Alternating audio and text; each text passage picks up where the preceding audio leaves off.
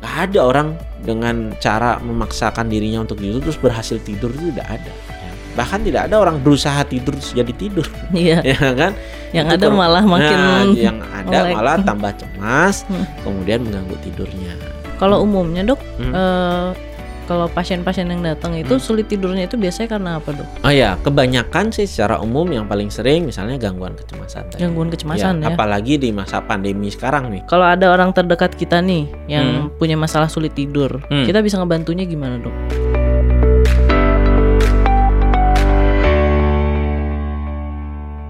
Halo sahabat SMC semua, selamat datang di acara ngobrol sehat klinik SMC. Eh, ketemu lagi dengan saya Ardan dan kali ini saya ditemani oleh Dr. Rai, psikiater dari klinik SMC. Ya, halo, halo sahabat SMC. Iya, kita manggilnya sahabat Dan- SMC. Iya, sahabat SMC. Eh, apa kabar nih dok siang ini? Eh, mantap jiwa kabarnya Mantap ya. Saya jiwa. pikir sahabat SMC di rumah juga eh, mantap jiwa. Ada juga kali yang lagi di kantor kali ya, jam Mm-mm, segini ya. Iya, Mhm. mungkin ngedengerin atau nonton sambil kerja ya. Hmm, ada juga kayaknya. Atau yang habis kerjaan rumah tangganya Oh, selesai iya. jam-jam segini rehat biasanya ya. Iya, atau Ya, abis gitu. WFH, Oh, lagi WFH kan? ada yang masih WFH ya. Ada, ada Hmm, masih. hmm, hmm, Itu. Kita kali ini nggak pakai masker karena udah physical distancing, Iya dan, dan udah, udah ada ada air purifier pur- ya kan. purifier. Ya Hmm, betul. Oke. Nah, boleh cerita dikit nggak tentang Mhm. dokter nih? Hmm, Backgroundnya dokter gimana di background SMC? saya. Oh iya, saya Hmm. eh, apa namanya? hmm, berpraktek di klinik eh, Sudirman Medical Center ya. Mm-mm. Kira-kira sekarang udah berapa tahun ya sejak berdirinya SMJ? ya Oh, kan? dari awal ya? Ya dari awal. Mm-mm.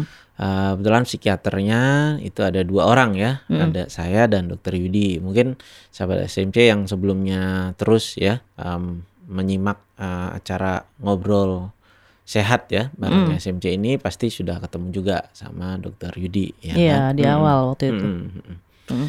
Itu jadi eh, selain di sana juga ada paginya di rumah sakit eh, umum daerah Wangaya, Kota Denpasar sama di Ubud Care Clinic. gitu. Mm-mm. Tapi yang setiap harinya sih kayaknya di klinik SMC ya. Oh, Hmm, gitu. cuman beda jamnya.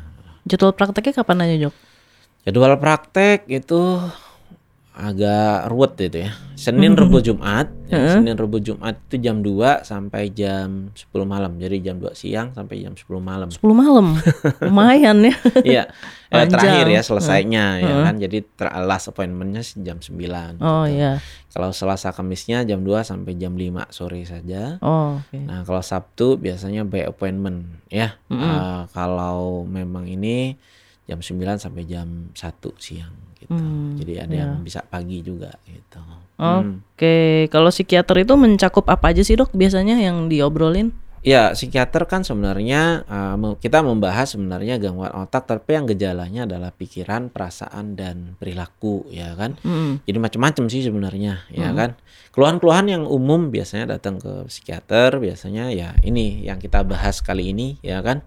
Uh, sulit tidur, Sulit tidur. Nah, uh, Mm-mm. kemudian mood yang berubah, lebih sering emosi, ada permasalahan yang uh, nggak beres-beres gitu ya dari Mm-mm. dulu sampai sekarang kok kayaknya nggak nggak bisa move on ya kan atau trauma uh, kehidupan ya kan kemudian juga mempengaruhi juga nafsu makan misalnya ada yang apa berlebihan makanya atau nafsu makan menurun ya kan atau pekerjaan terganggu atau Hmm. sekolah terganggu jadi yang berhubungan dengan pikiran uh, perasaan dan perilaku sih Mm, gitu. Luas ya, benar. luas banget luas Mencakup ya. banget Mm-mm. Mm-mm.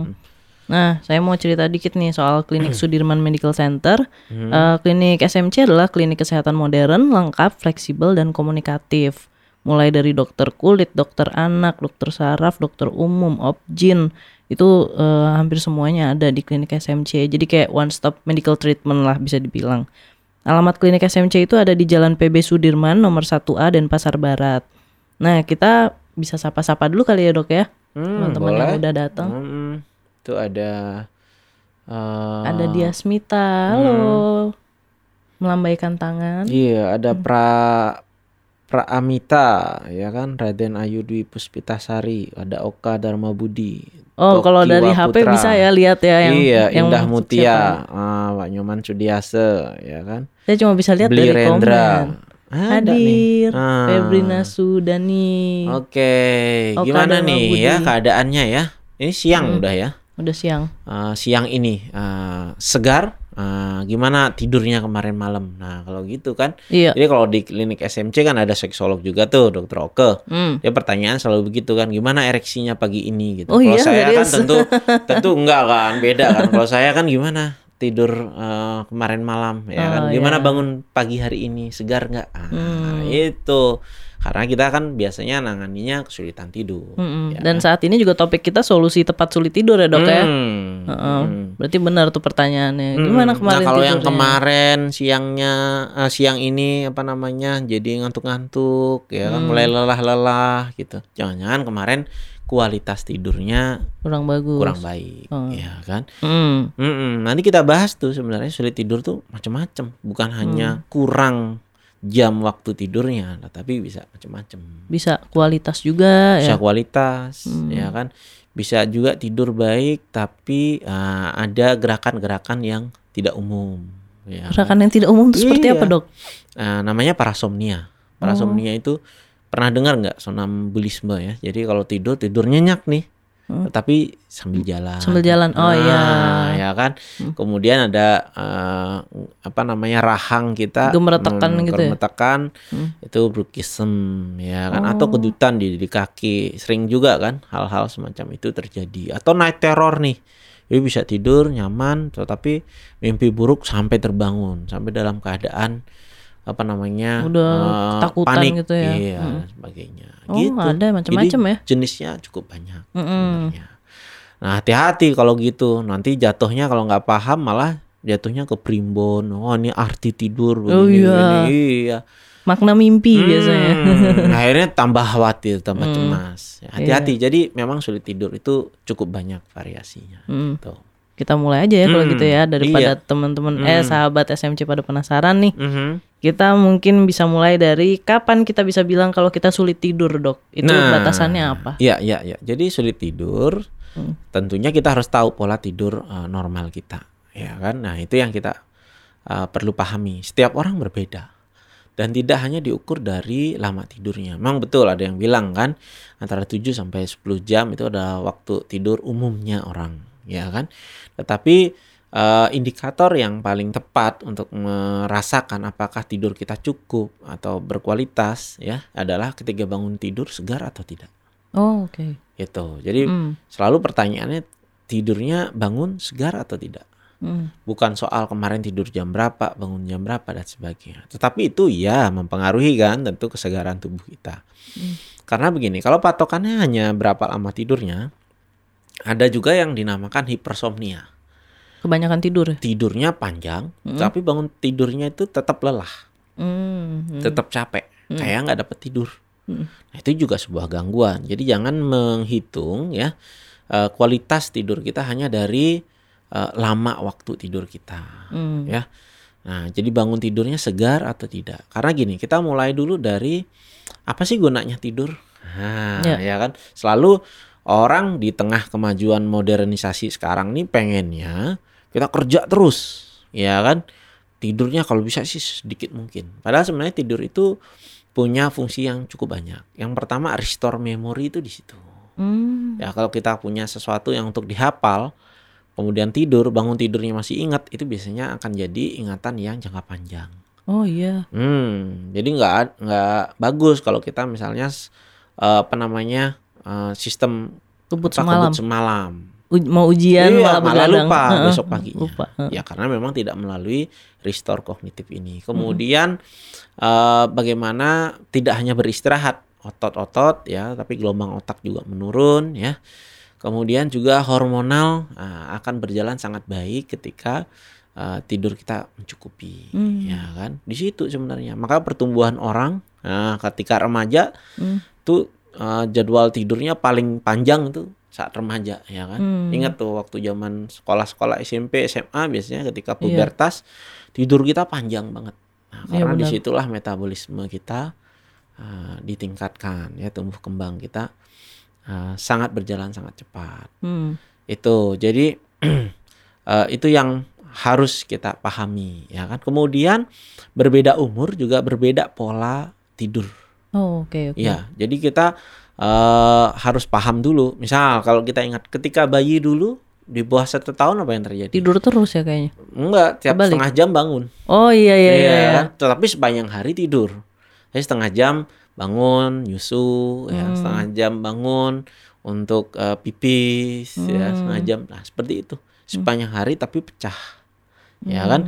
Kemudian mulai eh, beranjak mulai apa tumbuh balita misalnya atau di atas balita sudah mulai punya pola tidur. Hmm. Tidur siang berapa jam, malam berapa jam, ya kan? Mulai berkurang, nanti remaja bisa 10 jam Oh, bisa panjang 10 ya. jam panjang ya kan nah kemudian mulai dewasa menurun berkurang ya. Hmm, tuh. puncaknya adalah ketika lansia ketika lansia normalnya memang kebutuhan tidur kita menurun Oh emang gitu ya, ya dok ya? hanya 5 sampai 6 jam biasanya. Hmm. itu pun agak terpecah ya kan normalnya demikian nah kenapa kita perlu ya tahu pola tidur yang normal karena kita tidak bisa membandingkan diri kita dengan pola tidur kita yang sebelumnya Hmm. Nah, misal, misalnya ini kita bahas dulu sulit tidur pada lansia. Hmm. Nah, ketika lansia kemudian membandingkan ya pola tidurnya dia dengan pola tidur ketika sebelumnya beberapa tahun sebelumnya, tentu stres nih, Iya. ya kan? Kok tidur saya berkurang, ya kan? Kok mulai tidurnya tengah malam atau malah cepat terbangun, ya kan? di pagi hari. Kemudian kita memaksakan diri kita tidur. Waduh bisa nggak ya?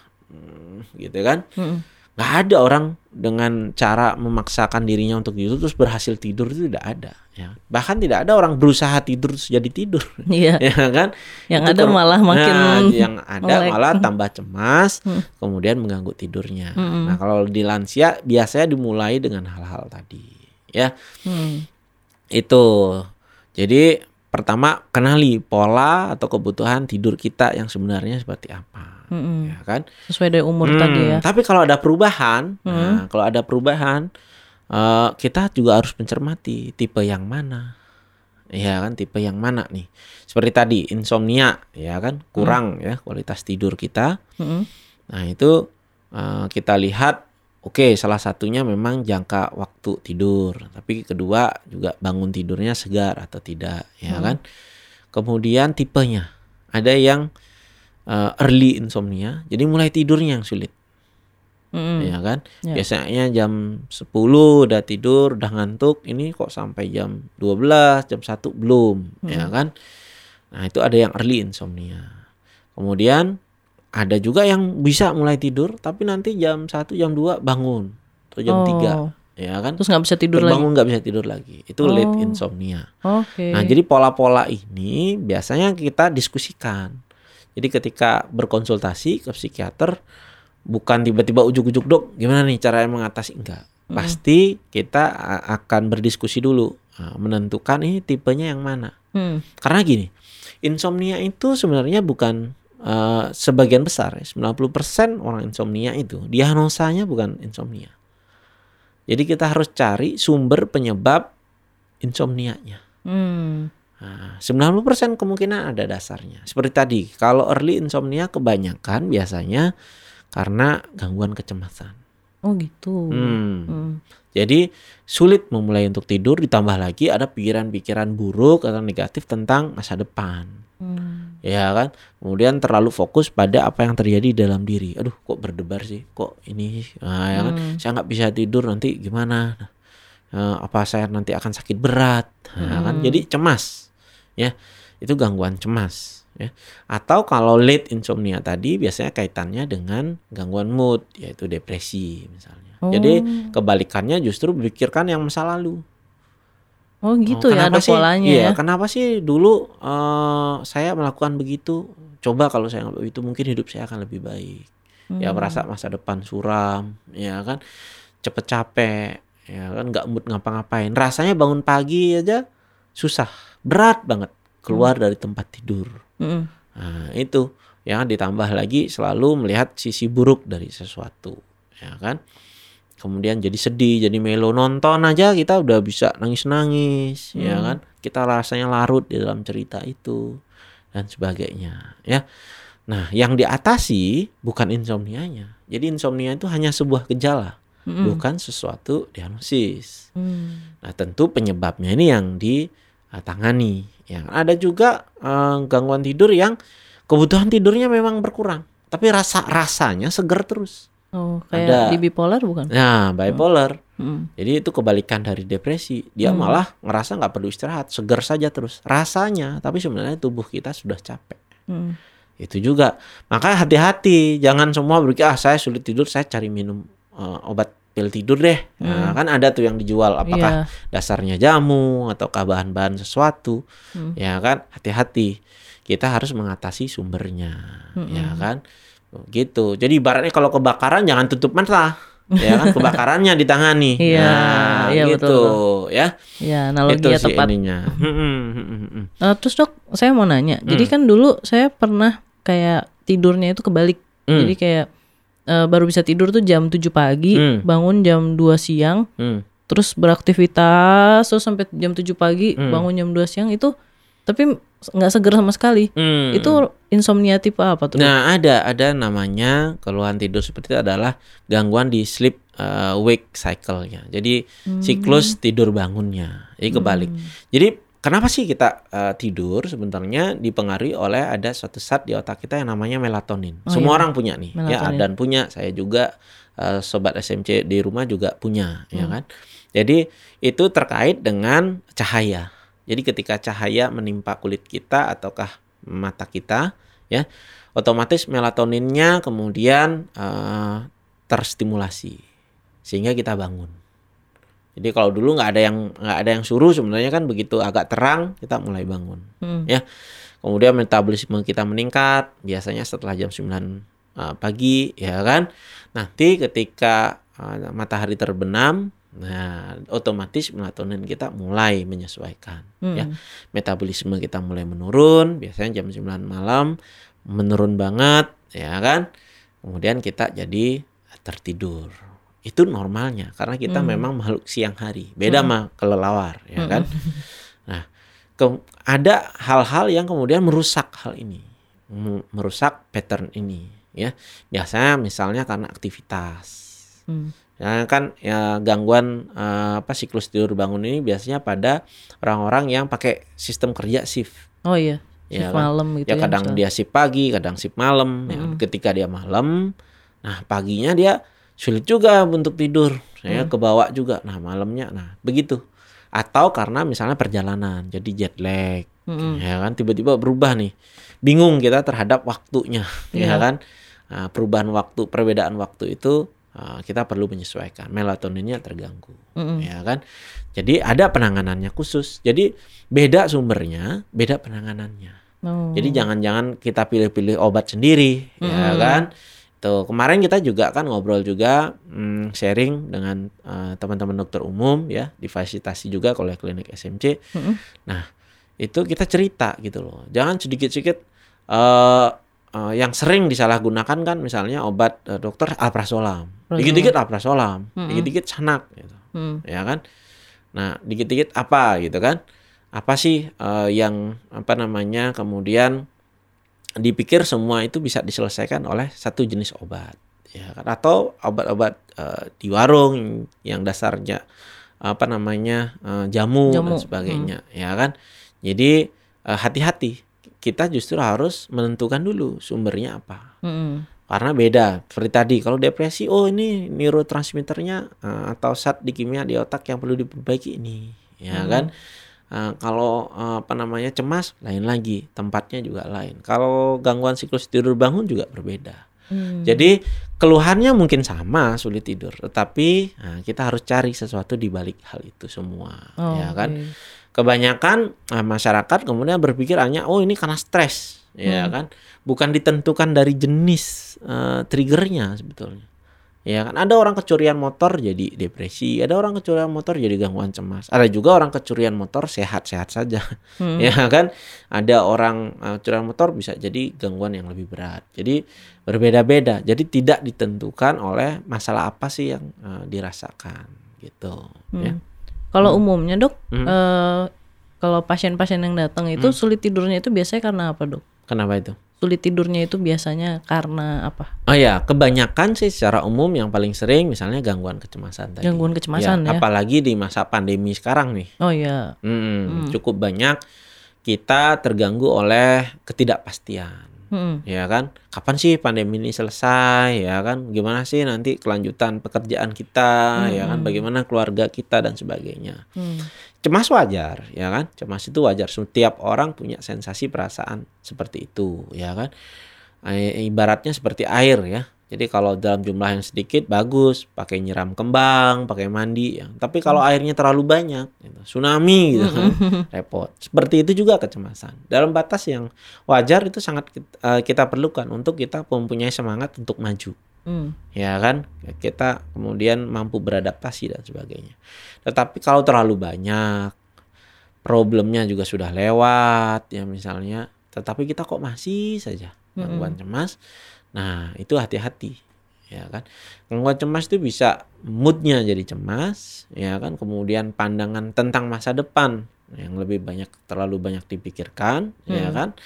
Kemudian juga mengganggu fisik yang disebut oleh eh, dengan psikosomatis. Jadi cemas itu biasanya orang dadanya berdebar, ya kan, kemudian nafas pendek, ya berat, rasanya kok ada yang mengganjal, kemudian asam lambung muncul, padahal nggak makan, ya kan, sehingga kita rasakan kok mah berulang kali, ya kan, Hmm. harus minum obat mah lama misalnya, ya kan, terus eh, apa, ada tenggorokan rasanya terganjal, ya kan? Hmm. kemudian nyeri ya Di tengkuk di belakang ya sakit kepala. Kok rasanya kayak di dalam kapal ini ya, goyang-goyang ya. pusing tetapi gitu ya. bukan vertigo ya Oh, kan? iya. lemas rasanya kaki keringat dingin ya gemetar. Nah hati-hati itu bisa jadi adalah sebuah gangguan kecemasan. Maka Nah ini juga salah satunya kenapa saya juga memilih berpraktek di sebuah klinik ya. Klinik SMC kita ada juga yang lainnya ya kan misalnya ada internis misalnya kemarin ada dokter Wira ya. Hmm. nah, sering kali kalau ada gejala-gejala tadi saya juga konsulkan ya kan. Ada apa nih? Biar ditangani juga karena menangani ini harus secara holistik. Iya. Oh ya ada juga gangguan kecemasan, depresi juga berpengaruh ke seksual misalnya, ya kan? Jadi perlu juga bantuan dari Dokter teman dokter yang lain, ya kan? Ataupun apa pun itu, ya kita sering berkolaborasi untuk hal itu. Gitu. Hmm. Hmm. Terus eh, biasanya apa yang memperparah dok kalau misalnya nggak bisa tidur? Misalnya kayak waktu itu saya pernah dengar eh, lebih baik di kamar tidur tuh jangan ada jam dinding, apalagi kalau nggak bisa tidur. Hmm. Itu benar nggak sih dok? Iya, jadi gini, ketika kita mengalami sulit tidur, tentu kita nggak bisa mendiagnosis diri sendiri kan. Nih, kayaknya saya karena cemas nih, ini karena depresi enggak. Eh, secara umum kalau kita mengalami gangguan tidur, ya, yang pertama perlu dilakukan adalah memperbaiki sleep hygiene kita, ya Oh. kan. Jadi higiene tidur. Hmm. Yang pertama misalnya adalah membagi ya tempat tinggal kita fas apa namanya ini zona untuk istirahat, mana zona untuk berkegiatan. Jangan dicampur. Banyak kan sekarang yang kemudian berkegiatan di tempat tidur. Maksud saya gini, baca di tempat tidur, nonton di Atau tempat kerja tidur, iya ya. kerja di tempat tidur. Jadi bingung kita di tempat tidurnya untuk istirahat apa untuk kerja, untuk aktivitas. Jadi pisahkan. Nah kalau sobat SMC misalnya ada yang kos misalnya, saya kan satu ruangan aja adanya, tetap aja dibagi, ya kan? Tempat tidurnya untuk tidur, nanti kalau mau baca, mau apa belajar, mau nonton tuh di sofa misalnya. Ada tempat yang berbeda, ya. Itu. Kemudian nomor dua adalah eh, tempat tidur itu untuk tidur, ya. Dan tidur ketika ngantuk. Oh Jadi gitu kalau ya? ngantuk baru ke tempat tidur. Kalau nggak ngantuk Oh. jangan ke tempat tidur. Oh, Oke. Yang membuat kemudian orang mengalami cemas, sulit tidurnya makin cemas adalah waktu berbaring di tempat tidur tapi tidak tidur. Katakanlah nih mulai berbaring jam 9. Eh sampai jam 1 nggak tidur. Berarti berapa jam tuh? 3 jam kan? Iya. tempat. Nah, itu tiga jam siksaannya luar biasa. Gelundung-gelundung Hmm, kiri kanan hmm, udah stres. dengerin lagu ini, dengerin ini, ya kan dan sebagainya. Hmm. Kemudian jauhkan eh, gadget, ya. Hmm. Uh, batasi screen time kita menjelang waktu tidur. Hmm. Jadi itu juga mempengaruhi ya gelombang otak kita ketika akan memasuki fase tidur. Berapa jam dok Jadi biasanya? Kenapa? Screen time-nya itu eh, biasanya berapa jam sebelum tidur lebih baik? Ya hati-hati dalam waktu dua jam sebelum tidur. Dua jam sebelumnya ya ya. kan. Jadi ya lebih baik yang lain. Ya. Hmm. Sering kali kesalahannya kan di situ. Kalau nggak bisa tidur malah ambil HP. Iya. Nah kan dan, dan sebagainya. Ya situ. Jadi kalau gimana nih kalau udah ngantuk ke tempat tidur terus hilang ngantuknya, Hmm. bangun lagi, bangun aja kita berkegiatan aja. Oh nggak apa-apa ya justru ya. Jadi terbalik kita ininya. Nanti malah nggak bisa tidur enggak. Ya. Jadi alarm kita akan isi. Jadi ketika kita membutuhkan akan diberikan sinyal mengantuk. Hmm, Ya kan? hmm. Kemudian betul tadi hubungannya sama apa namanya? eh, jam dinding ya kan? Maksudnya gini, ketika kita nggak bisa tidur, kita akan compare kan waktu itu kan. Iya. Oh jam satu belum tidur, nanti jam 6 harus bangun. Waduh cuma 4 jam, gimana nih? Nanti jam 2 begitu lagi, dihitung lagi. Lama-lama mana tidur. bisa? ya kan mana bisa? Hmm. Nggak akan bisa seperti itu, ya. Jadi hal-hal itu juga mesti diperhatikan, ya. Nah kalau hal-hal tadi sudah dilakukan, tetapi kemudian gangguan tidurnya masih saja berlangsung, ya. Nah, itu harus segera berkonsultasi, ya kan? Karena memang tidur kita, kualitas tidur kita itu sangat penting bagi diri kita. Sebelum hal-hal lainnya juga ikut terganggu. Oh, Oke. Tuh. Hmm. Kalau misalnya dari obat sendiri ya dok ya, Hmm. itu dari psikiatri itu ada obat khusus untuk bisa tidur nggak sih? Maksudnya Hmm. bukan, jadi bukan yang eh, untuk depresinya, untuk kecemasannya, untuk Hmm, untuk apanya gitu? Hmm, misalnya? ada ada golongan tersebut namanya golongan anti insomnia. Oh ada ya? Ya, jadi itu kita pilihkan bagi yang misalnya mengalami gangguan siklus tidur bangun tadi, selain misalnya Oh. pemberian melatonin, ya. Hmm. Jadi eh, ada kekhususan tersendiri. Tapi percaya atau tidak, hal yang seperti itu justru jumlahnya kecil. Oh gitu? Mm-mm. Hmm. Jadi orang yang keluhannya sulit tidur sangat kecil kemungkinannya hanya perlu obat tidur saja. Hmm. ya kan kebanyakan karena uh, ada dasar-dasar yang uh, menyebabkan terjadinya sulit tidur Kayak tadi kecemasan Bahkan- ya. Uh, sebagian besar nggak perlu obat tidur atau yang dinamakan anti insomnia tadi Hmm. ya Hmm. Nah, kalau cemas ya gangguan cemasnya yang ditangani kalau depresi depresinya yang ditangani kalau bipolar bipolarnya ditangani ya kan dan sebagainya Iya. hati-hati ya Hmm. Jadi itu. Nah, kenapa sih kok kita membutuhkan obat? Nah, ya kan? Mm-mm. Bisa nggak dok saya memulihkan diri saya secara alami? Kan begitu kan pertanyaannya? Iya biasanya begitu. Eh, kan eh, sering stigmanya soal kesehatan mental tuh gimana kan diri kita yang bisa mengobati diri kita gitu. Ya, Enggak enggak demikian juga. Kan kita di awal kita sudah katakan eh, kesehatan mental itu organnya otak. Loh Mm-mm. ya kan? Ya kalau gangguan otak yang lain misalnya apa? Stroke ya epilepsi. Berani nggak ngomong begitu? Eh biarkan aja dirinya menyembuhkan dirinya sendiri ya sebenarnya nggak faedahnya setiap ya gangguan dalam kesehatan kita memang betul diri kita ada upaya menyembuhkan dirinya misalnya patah tulang ya kan Sebenarnya nggak diapa-apain sebenarnya dia tumbuh. Cuman kan kalau tidak kita atur, kita bantu, kita dampingi, nanti tumbuhnya nggak pas, Nggak pas, iya benar. ya kan? Kurang lebih seperti itu sebenarnya, ya. Hmm. Jadi eh, anekdot bahwa mengobati diri sendiri atau tidak itu sebenarnya salah. Berobat pun minum obat pun sebenarnya juga membiarkan diri kita untuk menyembuhkan dirinya, tetapi eh, kemudian didampingi, dibantu, ya Hmm. sehingga tumbuhnya dengan baik. Sama juga seperti tadi yang kita katakan. Jadi sebenarnya gangguan-gangguan mental itu dipengaruhi oleh zat-zat kimia di dalam otak kita. Ini namanya neurotransmitter. Serotonin, ada norepinefrin, ya ada dopamin, ya, melatonin, cukup banyak hal, ya. Nah, kenapa kita mengalami gangguan-gangguan ini? Ada ketidakseimbangan ya kimiawi di sana. Terus eh, kalau gitu kita tonton aja nggak juga kan? Nah, justru kita perbaiki dulu. Bukan orangnya diem obatnya mem- memperbaiki, tentu tidak. Mm-mm. Kita memperbaiki diri kita sendiri distimulasi oleh pengobatan. Toh isinya obat-obat itu adalah zat-zat kimia yang sebetulnya ada dalam Mm-mm. otak kita. Ya. Tapi juga memang dibutuhkan saat itu. Nah, karena jadi kurang- bukan soal berapa banyak obatnya, terbuat dari apa obatnya enggak. Tetapi yang penting adalah saat itu dibutuhkan enggak oleh otak kita. Ya kan, itu yang terpenting, ya. Jadi kalau memang misalnya kita nggak butuh, kalaupun dari bahan alami ya juga sebenarnya bahaya juga. Iya ya benar. Iya, seperti itu sih sebenarnya. Ya. Terus gimana dok kalau misalnya kita eh, ada yang ngomong nih, Hmm. eh kamu jangan pakai obat-obatan terus lah, bahan kimia bahaya gitu. Hmm. Itu gimana tuh?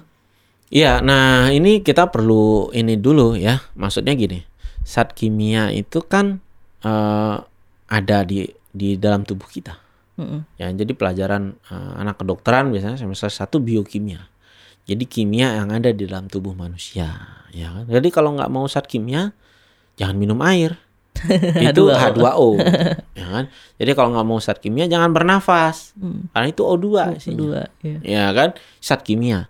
Jadi bukan soal itu zat kimia atau tidak. Semua bahan dari dunia ini sebenarnya berupa zat kimia. Yang kita butuhkan justru zat kimianya. Kita makan nasi yang kita butuhkan apa ya? Karbohidratnya misalnya. Protein itu zat kimia.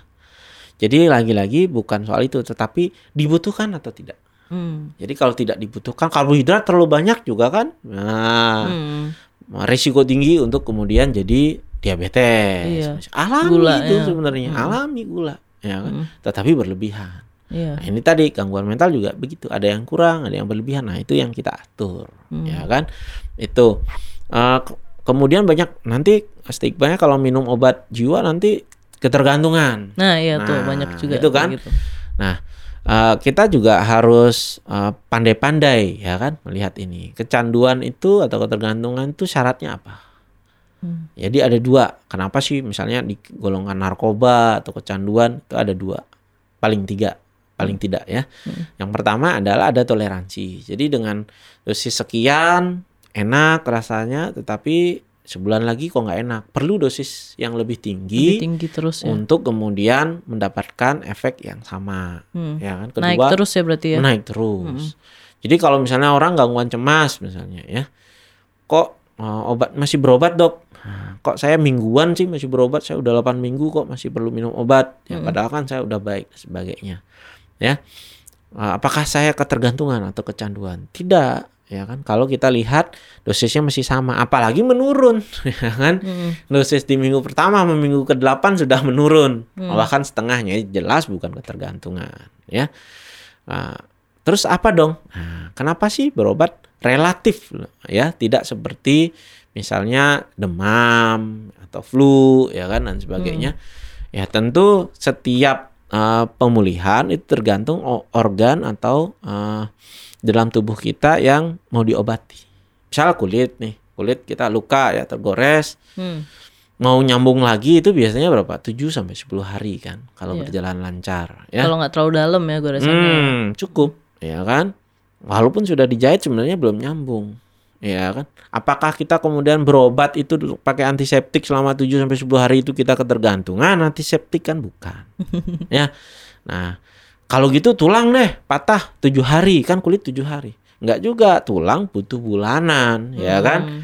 Kenapa begitu ya? Penyembuhan tulang itu sekian lama. Kurang lebih neurotransmitter seperti itu. Ya beberapa jenis mental uh, lamanya sama seperti penyembuhan tulang. Bukan berarti ketika masa pemulihan itu kemudian kita ketergantungan dengan pengobatan. Ya, Ya. justru uh, kecanduan itu bisa dipicu kalau kita tidak mengikuti ya kan advice dari dokter atau psikiaternya disuruh minum satu kali dia ngatur sendiri Ah, kalau nyaman saya nggak minum deh. Nanti kalau muncul saya minum tiga, ya kan?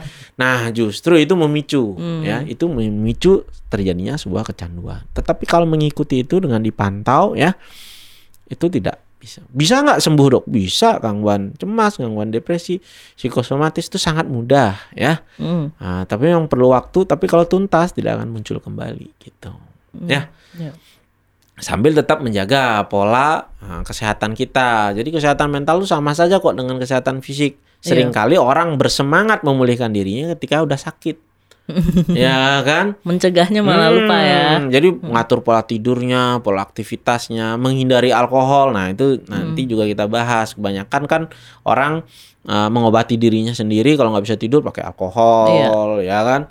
Uh, dan macam-macam lah itu justru memperparah keadaannya ya nah ketika sudah baik ya kan sudah pulih eh begitu lagi muncul lagi terus waduh kumat ya dok saya ya artinya kita tidak menjaga eh, keadaan kesehatan mental kita dengan baik ya. Hmm.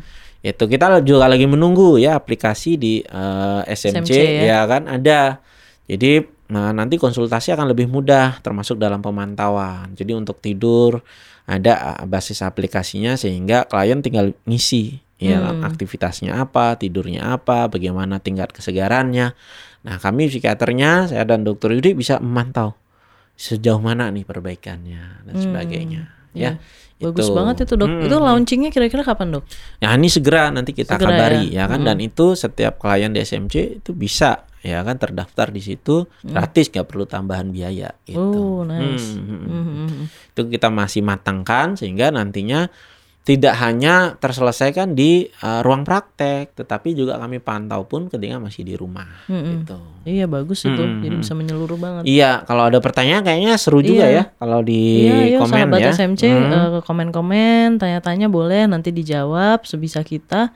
Nanti juga kalau misalnya ada pertanyaan di luar acara ini bisa langsung eh, komen di Instagramnya Klinik SMC juga ya. Hmm, bisa Gitu, bisa atau banget. DM juga bisa Hmm, hmm, hmm, gitu. Tapi mending tanya sekarang aja nih. Hmm, hmm. Mumpung kita lagi ngobrol. Iya, saat ini kita tentang sulit tidur ya Iya, kan. solusi tepat untuk sulit tidur. Iya, tapi SMC ngomong-ngomong nih, ya, kan cuman gimmick aja ya. Ya. Cukup lengkap loh. Hmm. Nah, kalau sulit tidur itu datangnya bisa ke dokter Yudi atau ke dokter Ai, Iya. ya kan. Tapi kalau sulit bangun, ya kan, itu bisa ke dokter Oke, ya kan. Wadaw.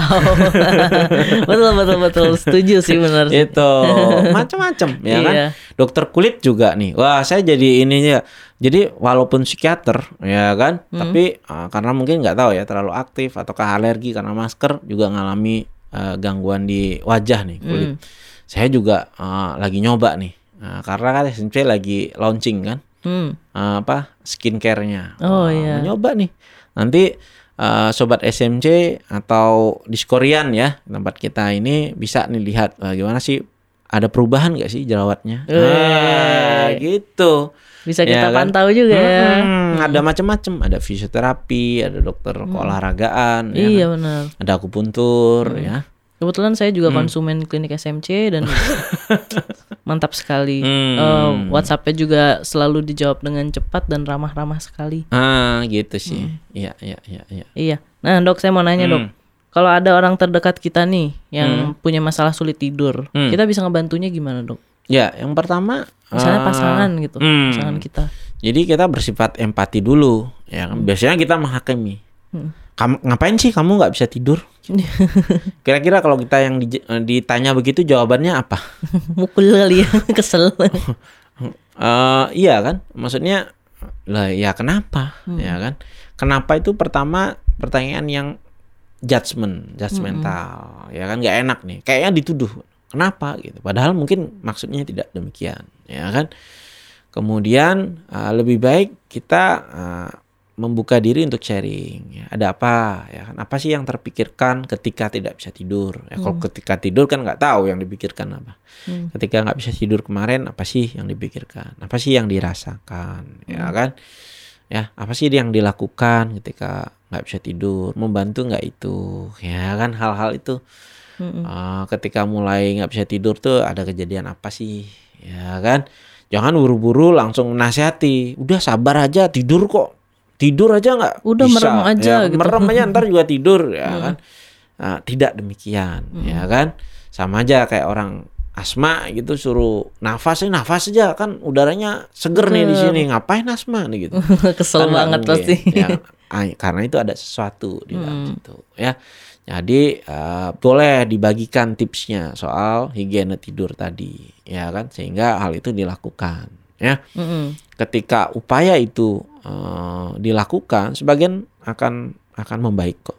Mm. Tetapi ketika sudah dilakukan tapi ternyata masih ada gangguannya terjadi maka nah, itu harus eh, berkonsultasi. Oh ya, untuk terapi eh, dari kesulitan tidur misalnya dasarnya cemas, depresi itu tidak hanya melulu dengan obat, Oh gitu. tidak melulu dengan obat. Pemantauan seperti tadi berbasiskan aplikasi juga eh, perlu diperlukan, ya kan? Kemudian ada juga yang lain. Kalau hubungannya dengan trauma misalnya, nah itu bisa dengan hipnoterapi. Iya, tadi ya. saya mau Tetapi kalau dilakukan PTSD. oleh psikiater, ya kan? Kemudian uh, kita bantu juga dengan belajar re- relaksasi ya. Hmm, Nah, kemudian kalau ketegangan otot yang menge- mengakibatkan sulit tidur itu ada teknik progresif muscle relaksan ya. Kita latihkan juga. Kemudian kalau di klinik SMC itu ada juga uh, neurobiofeedback ya. Tapi kami lebih suka menyebutnya dengan uh, brain gym. brain gym. Hmm, jadi kan tadi kita ngomong nih ya.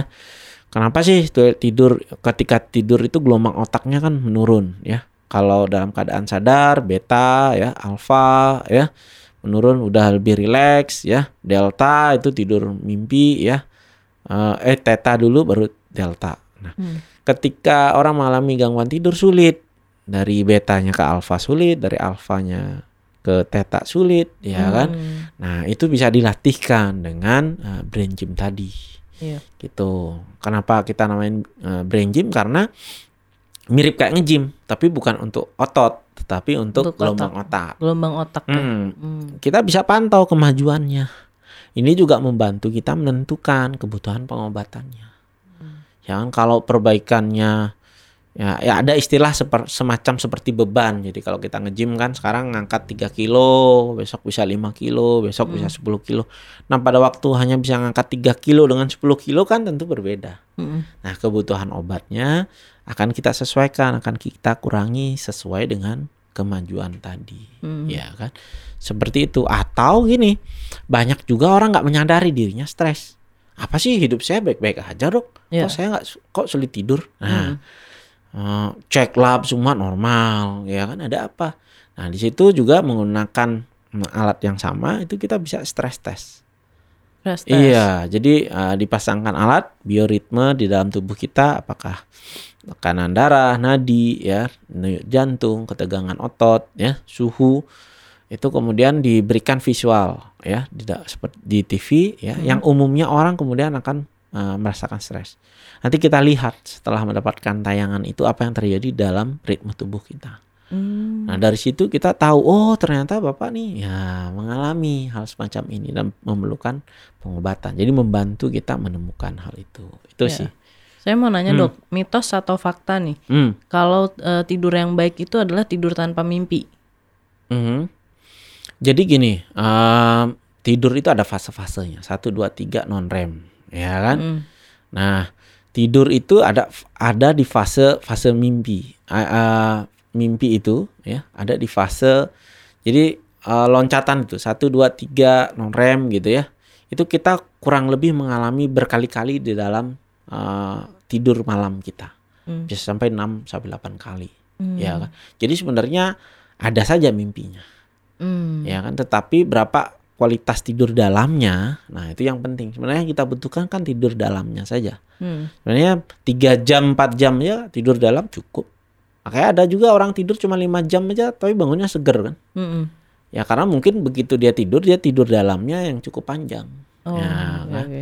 tidur mimpi itu termasuk kurang dalam Oh. Hmm. Oh, pantesan ya dibilangnya tidur yang bagus tuh yang deep sleep gitu. deep sleep itu gini biasanya fenomenanya adalah kita ngerasa mimpi tapi ketika bangun kita lupa mimpi apa ya Oh kemarin ya, gitu. nah itu bagus Oh. Yang jelek kualitasnya biasanya kalau mimpi bangun tidur lagi nyambung lagi mimpinya Oh, malah jelek ya? Iya, bangun tidur eh, capek, Apa ya? capek itu. Atau yang tidur selama tidur tuh rasanya masih denger suara di luar ya kan. Itu masih alfa aja tuh. Hmm, enak gitu. banget ya. Ya. Mm-mm. Makanya selain itu kami juga mm, mengedukasi juga ya. Ada upaya-upaya mandiri selama pengobatan juga bisa dilakukan. Misalnya relaksasi, kemudian meditasi ya kan itu juga membantu gelombang kita. Mm-mm. Ya. Jadi itu digabungkan antara meditation dan medication. Iya, iya, Nah, cocok itu meditation, ya. medication. Jadi bukan saling menggantikan. Hmm. Ya kan? Iya. Itu. Ah, ada pertanyaan. Ada pertanyaan nih, Hmm. ada dua nih dok. Dari Raden Ayu Dwi Puspitasari. Siang dok, jika pada saat tidur kita bermimpi dan mimpi itu teringat jelas di saat kita terbangun, apakah proses tidur tersebut bisa disebut tidur yang berkualitas? Oh, teringat jelas berarti Hmm. kayak tadi kita bahas ya dok ya. Hmm, hmm. Kurang berarti ya. Ya berkurang ya kan. Tetapi gini loh, eh apa yang muncul dalam mimpi sebetulnya apa yang secara sadar ketika kita sadar kita tidak ingin pikirkan. Oh gitu. Ya kan apakah atau yang menjadi fokus kita ketika kita terjaga. Ini lagi ada problem, aduh kak ah malas ah mikirin itu, ya kan? Nanti aja, nanti munculnya di mimpi. Hmm. Atau apa yang eh, menjadi fokus kita. Jadi sebelum tidur nonton film horor lah, terus ada ceritain orang serem lah dan sebagainya, itu muncul dalam mimpi kita. Oh. Itu ya. Walaupun tidak semua seperti itu, ada juga mimpi kilasan-kilasan memori kita ketika kecil misalnya. Itu juga ya eh, ada semacam itu. Tetapi itu bisa juga em, di kalau konsultasi ke psikiater kami juga bahas mimpi itu, tapi bukan dari sudut pandang klinik ya, tetapi itu sebuah simbol-simbol sebenarnya. Ada ketidaknyamanan dalam bawah sadar kita. Biasanya terkait dengan hal itu gitu ya. Ya. Tapi kalau itu sering terjadi hampir setiap hari seperti itu ya barangkali itu kan sudah mengganggu kualitas tidur kita. Jadi perlu berkonsultasi. Apa kalau sebulan ya sekali dua kali itu hal yang wajar lah. Ya kan tinggal kita atur ya bagaimana aktivitas kita di siang hari gitu. Oke, selanjutnya dari Diasmita. Selamat siang dok, kalau di usia 27 tahun waktu tidur yang ber- berkualitas itu berapa jam ya dok? Kalau tidur sudah 7 jam tapi setelah bangun tidur masih merasa lelah, itu apakah termasuk gangguan tidur? Ya, Terima kasih. nah itu kan memang Yang kalau ya, usaha kita dewasa ya di usia dewasa eh, itu ya kurang lebih 7 sampai eh, Delapan. 9 Oh, sembilan jam ya. itu cukup ya kan kurang lebih. Tetapi lagi-lagi apa namanya indikator yang penting itu bukan hanya jangka waktu tetapi juga kualitas ketika bangun tidur. Nah, kalau misalnya kualitas bangun tidur kita nggak nyaman, nggak enak ya berarti kualitas tidur kita berkurang, ya kan? Nah, jadi harus kita cari tahu apa ya problemnya. Kalau ternyata setiap hari kita seperti itu. Mm-mm.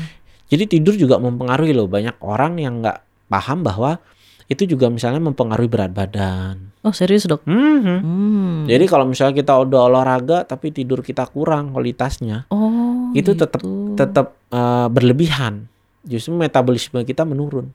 Oh oke oke. Jadi orang kan perpandangan, coba aja kamu kalau kerja terus nggak usah tidur tidur, nanti juga kurus, ya kan? Nggak juga salah loh, ya? salah. Justru metabolisme kita menurun, ya kan? Nggak niat kerja, ya kan? Makannya jadi banyak, Mm-mm. pembakarannya atau metabolismenya menurun. Wah Ya itu. info menarik nih buat Hmm. saya nih. Apalagi Oke. nih? Hmm. Eh, dari Oka Dharma Budi. Dokter Rai, apakah gangguan sulit tidur merupakan penyakit genetika dan apakah gangguan tidur dapat juga diatasi dengan rajin berolahraga? Ah, ya, ya, ya, ya, ya. Ah, apakah ada kaitannya dengan genetika? Genetika. Mm-mm. Ya seperti tadi kalau insomnia kan kebanyakan hanyalah sebuah gejala dari sebuah gangguan mental yang mendasari, ya kan? Kalau ditanya genetika kaitannya ada sifatnya kerentanan. Tetapi tidak seperti kalau kita belajar sekolah dulu buta warna gitu kan. Kalau anaknya laki-laki itu ya. berapa persen, Ya, ya, berapa kan persen, hukum persen. Mendel, ya kan? Tidak mengikuti hukum itu. Tapi ada kaitannya. Tentunya kalau eh, eh, ada kerentanan di keluarga yang seperti itu, eh, kita jauh lebih rentan daripada orang lain yang tidak punya genetika. Tapi itu tidak pasti. Ketika kita itu bisa jadi awareness. Oh ya orang tua saya begitu, ya kan sama nih. Oh, orang tua saya diabetes gitu kan. Oh saya harus hati-hati nih. Saya tetap harus jangka- jaga pola makan. ya. Ini juga begitu. Ya, oh orang tua saya mengalami kecemasan nih. Wah, saya hati-hati nih kalau menghadapi uh, stres. Bukan menghindar, tapi bagaimana caranya menghadapi itu dengan uh, matur, ya kan?